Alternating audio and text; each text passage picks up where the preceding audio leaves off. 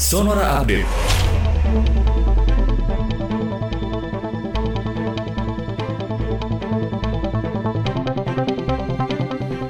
Sahabat Sonora Indeks Harga Saham Gabungan atau IHSG di Bursa Efek Indonesia berhasil mempertahankan keunggulannya hingga akhir perdagangan sesi 1 Senin siang.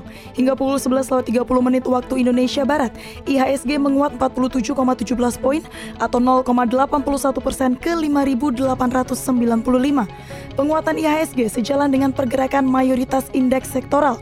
Total volume transaksi bursa mencapai 12,64 miliar saham dengan nilai transaksi 7,7 76 triliun. Sebanyak 281 saham naik harga, ada 208 saham melemah, dan 143 saham flat.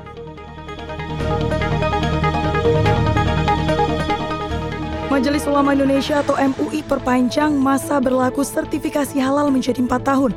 Ketua Bidang Fatwa Majelis Ulama Indonesia, Asrorun Niam, mengimbau para perusahaan yang memiliki ketetapan halal dari MUI untuk mengurus konversi masa berlaku ketetapan halal tersebut. Selain itu, Niam juga mengatakan tata kelola baru ini merupakan bentuk setelah diundangkannya Undang-Undang Cipta Kerja terkait regulasi baru mengenai masa berlaku sertifikat halal. Dia menegaskan bahwa MUI akan terus mengawal percepatan proses pelaksanaan sertifikasi halal melalui tata kelola baru.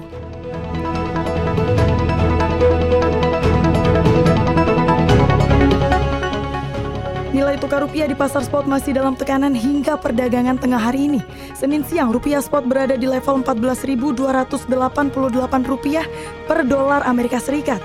Ini membuat rupiah melemah 0,02 persen dibandingkan dengan penutupan Jumat akhir pekan lalu.